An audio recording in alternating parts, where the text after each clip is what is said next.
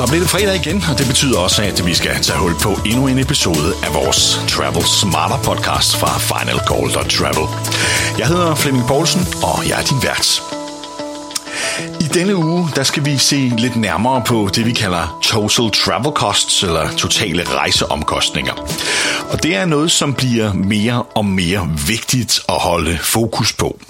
Specielt efter som øh, flere og flere flyselskaber kommer med de der light-billetter eller basic fares, hvor der skal lægges øh, ekstra gebyrer oveni, afhængig af, hvad du har behov for at få inkluderet i billetten. Men det er også en relevant snak, hvis man flyver med lavprisselskaber, og at kigge på, hvilken lufthavn man flyver ind til, hvilket øh, transportmiddel er der videre fra lufthavnen til, hvor du skal.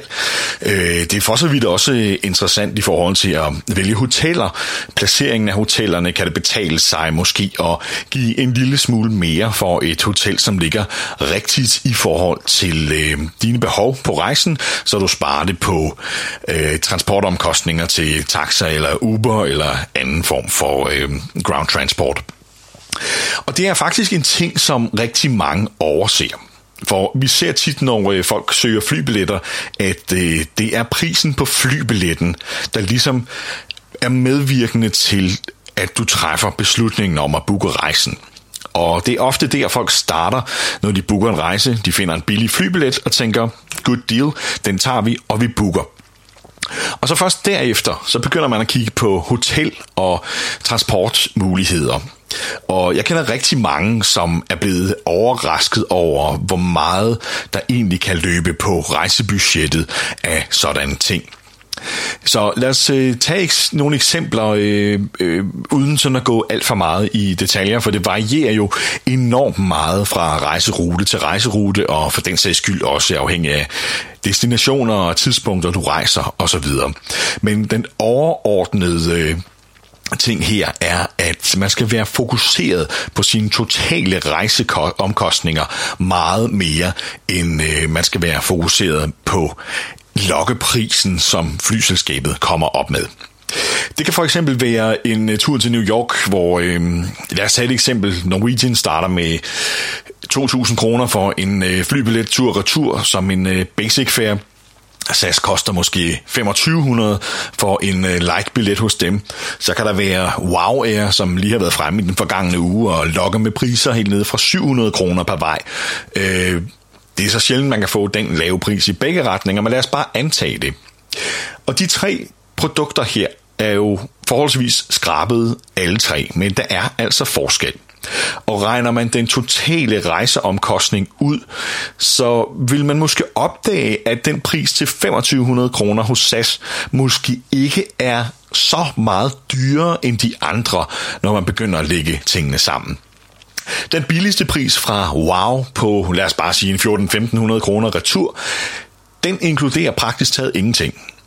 Og øh, det er mm, det mest skrabede produkt, man kan få. Det kan være fint for nogen, men du kan ikke engang medbringe en rigtig størrelse håndbagage. Du kan medbringe den såkaldte personal item, altså en lille taske, du kan lægge under stolen foran dig. Hvis du vil have en rigtig håndbagage med, så koster det altså penge. Og begynder du at lægge de gebyr til, selv bare for en håndbagage, jamen så er de 14-1500 kroner pludselig blevet samme pris som Norwegian. Så har du stadigvæk ikke en rigtig kuffert med, du har stadigvæk ikke forplejning ombord osv. osv., som øh, du heller ikke har med Norwegian. Men det betyder, at den wow-pris, som umiddelbart ser lavere ud end Norwegian, i realiteten, når du medbringer en rigtig håndbagage, bliver den samme pris. Så kan du så tage skridtet videre fra den det basisprodukt, som inkluderer en håndbagage. En del kan godt nøjes med en håndbagage, når de rejser på en lang weekend i New York. Øh, rigtig mange kan nu altså heller ikke, for sådan en lille håndbagage er altså ikke meget bagage, hvis man øh, også skal handle lidt i New York og have lidt øh, billige varer med hjem. Og det er jo blandt andet derfor, mange også rejser til USA, at øh, man gerne vil udnytte de gode tilbud, som også findes i de amerikanske malls og øh, outlet malls osv. Og der er altså ikke meget mulighed for at øh, opnå nogle øh, gode tilbud og tage med hjem, hvis man kun har en lille håndbagage til rådighed. Så lad os sige 2.000 kroner for et basic lavprisprodukt. Du får et sæde, der er stadig ingen sædevalg, der er ingen mad, der er ingen drikke og så videre om, øh, inkluderet i det produkt. Så tager du springet op til de for eksempel 2.500 kroner, som en SAS-billet vil koste. Her får du i hvert fald i teorien mulighed for at vælge sæde selv. Når jeg siger teorien, så handler det om, at SAS har begrænset det antal sæder, som kan vælges gratis, øh, rigtig, rigtig meget. Så der er i praksis kun tale om nogle få rækker eller bagerst i flyet. Øh, men er du ude i god tid, så kan du være heldig, der er plads der. Øh, om ikke andet, så har du i hvert fald adgang til at vælge et sæde ved check-in 24 timer før, og øh, have ret stor chance for at sidde sammen. Rejser altså, du med WOW eller Norwegian, så har du ikke mulighed for det selv, så placerer de dig, øh, og ikke at vi har oplevet det ofte, men der er altså en potentiel risiko for ikke at komme til at sidde sammen, når øh, du ikke selv har indflydelse på, hvor du skal sidde.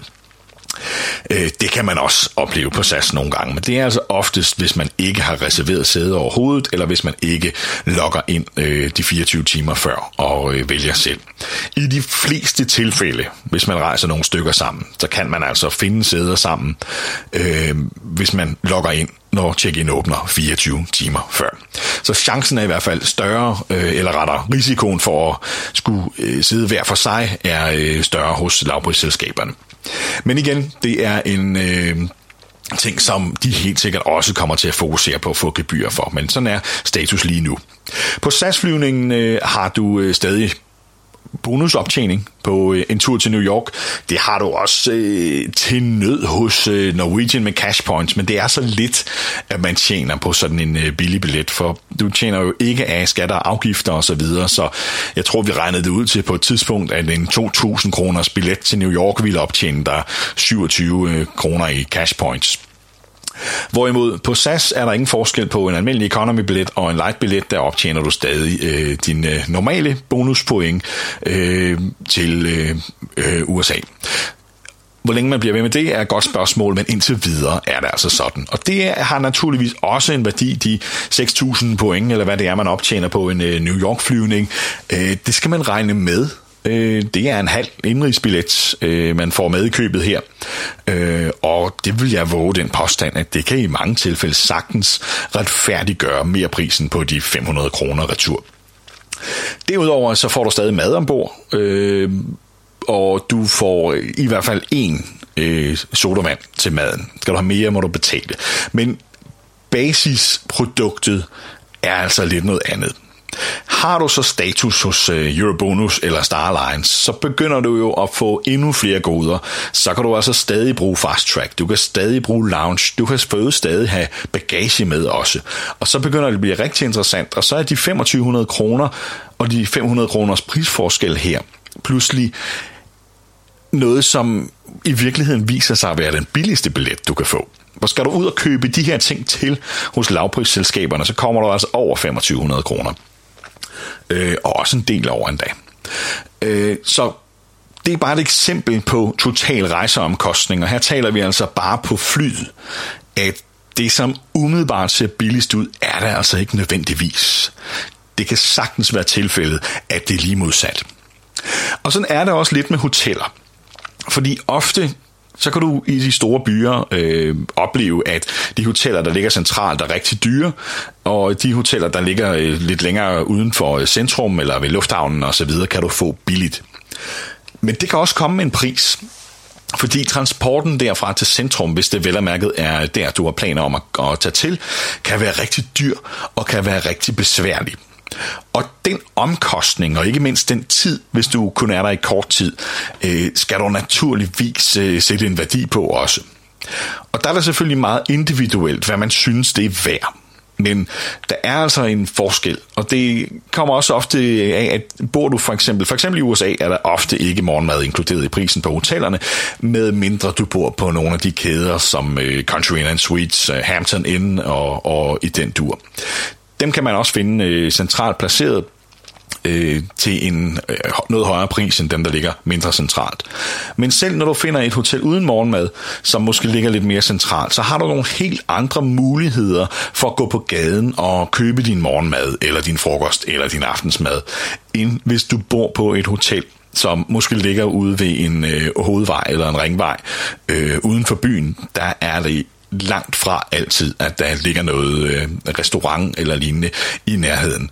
Og det gør jo, at du mange gange er tvunget til at købe dine måltider på hotellet. Det gør, at du kan ikke lige gå på tanken eller i kiosken og købe øh, nogle drikkevarer med på hotelværelset, så du er nødt til at bruge minibaren osv. Og det er jo noget, man lige skal tage med i betragtning, som rent faktisk gør hotelopholdet dyrere. Og det kan sagtens ofte retfærdiggøres at give, lad os sige 50 dollars eller 500 kroner eller noget i den retning mere for et hotel, som ligger rigtigt, som har de her muligheder omkring, hvor du kan spare øh, øh, penge på mad, på drikkevarer, på transport osv. Så, så det er jo helt klart noget, man skal undersøge, når man booker hotel også. Hvad er der transportmuligheder? Er der en undergrundsbane eller en bus, som stopper lige ved siden af hotellet, eller er du tvunget til at tage taxa eller Uber øh, for at komme rundt i området. Så der er mange ting at tage højde for. Det samme, når man øh, ser på, hvilken lufthavn man flyver til i visse byer. Der kan være stor forskel på øh, prisen for transporten fra lufthavn til centrum. Øh, det kan for eksempel være i London, hvor øh, Heathrow har du to muligheder øh, for at komme øh, ind mod centrum. Du kan tage den billige med tuben, og du kan tage den øh, dyre og langt hurtigere med Heathrow Express. Så Der har man ligesom valgmulighederne. Men ender du for eksempel i Luton eller i Stansted og øh, til nød Gatwick også, ja, så er der altså ikke de samme muligheder, og der er man øh, mere tvunget til at tage en øh, dyrere transportform, i hvert fald i mange tilfælde. Så det er også noget at tage med i betragtning, hvilken lufthavn man flyver til. Øh, og der har for eksempel Ryanair jo været notorisk kendt for at flyve til mange af de såkaldte sekundære lufthavne, hvor øh, man booker en billet til Milano, men man ender faktisk i Bergamo. Øh, og sådan er det i, på mange af deres destinationer. De har fået flere og flere destinationer, hvor man rent faktisk lander i hovedlufthavnen, men man skal virkelig kigge sig godt for. Øh, det kan være i Sverige, hvor de øh, kalder Skavsta for, øh, for Stockholm, men det tager altså øh, rimelig lang tid at komme fra Skavsta, som ligger ude i the middle of nowhere, øh, hvis man skal ind til Stockholm. Øh, så der skal man virkelig kigge sig for. Og en ting er selvfølgelig rejsebudgettet, og det er vi jo selvfølgelig øh, meget optaget af, når vi taler totale rejseomkostninger, som er emnet i dag. Men for mange mennesker, og specielt når de rejser på forretningsrejse, så har tid også en værdi.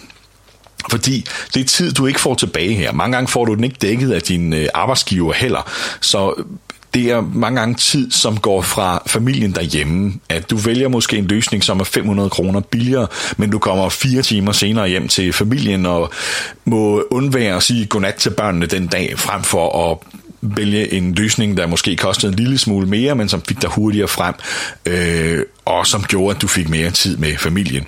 Og det er jo selvfølgelig meget individuelt fra firma til firma, hvordan rejsepolitikken er der, men i de fleste tilfælde, så synes jeg, man har et rimelig godt argument med en prisforskel på, lad os sige, 500 kroner. Øh, den skal man holde op imod, hvad din timeløn rent faktisk er. Det ved jeg godt ikke er alle arbejdsgiver, der ser det sådan.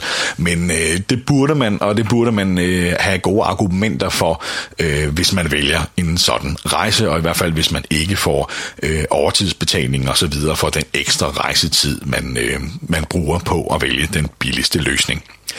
Og så er der selvfølgelig også sådan noget som øh, at vælge en rigtig billettype. Nogle gange, så kan man faktisk få en business class billet eller en plus billet med en minimal højere omkostning og har man for eksempel ikke status i lufthavnen, så kan det måske godt betale sig at give 200 kroner mere for en øh, SAS Plus billet frem for en SAS Go.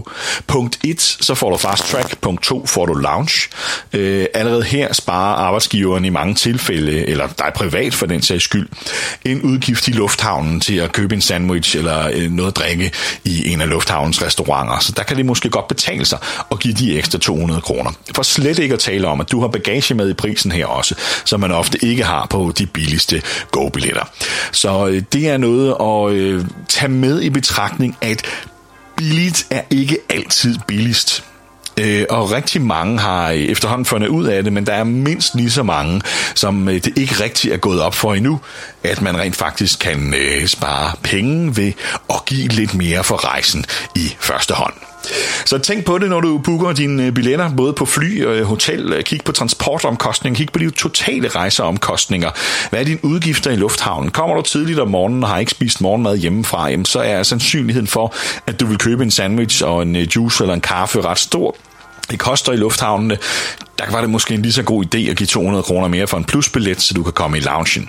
Og på toppen af det, gør du det nu konsekvent over året, jamen så tjener du nogle flere statuspoint, som måske gør, at du næste år har status. Og så kan du købe den billige billet igen, og dermed spare din arbejdsgiver for udgifterne, og det er måske et godt argument over for mange arbejdsgiver. Det kan godt betale sig nogle gange at købe sig ind til i en periode og få den status, fordi på lang sigt, ja, så vil arbejdsgiveren altså spare penge på dine rejseomkostninger. Så kig på det. Det er et øh, emne, som er meget interessant, som øh, får mere og mere fokus med alle de her light-billetter og unbundlede ting, vi øh, ser. Kig på det, når du booker, og vær opmærksom på det, fordi det kan altså være en fordel at give lidt ekstra nogle gange. Det var slut på denne uges øh, podcast, Travel Smarter podcasten fra Final Call Travel. Tusind tak, fordi du lytter med, og tak, fordi du læser med på Final Call Travel. Det sætter vi øh, meget stor pris på. Og vi vil blive rigtig glade, hvis du synes om den her podcast, synes om vores hjemmeside, hvis du deler den med dine venner, hvis du subscriber til podcasten på øh, iTunes, øh, eller liker vores opslag på øh, Facebook, Instagram og Twitter, så vi kan få øh, spredt ordet om, at det er på Final Final Call. Øh, man øh, lærer at rejse smartere og får de gode tips og tricks til at gøre sine rejser mere behagelige i fremtiden. Tusind tak, fordi du lyttede med. Jeg har kun tilbage og ønsker dig en øh, rigtig god weekend og sige på genhør i næste uge. Jeg hedder Flemming Poulsen. Ha' det godt. outdoors.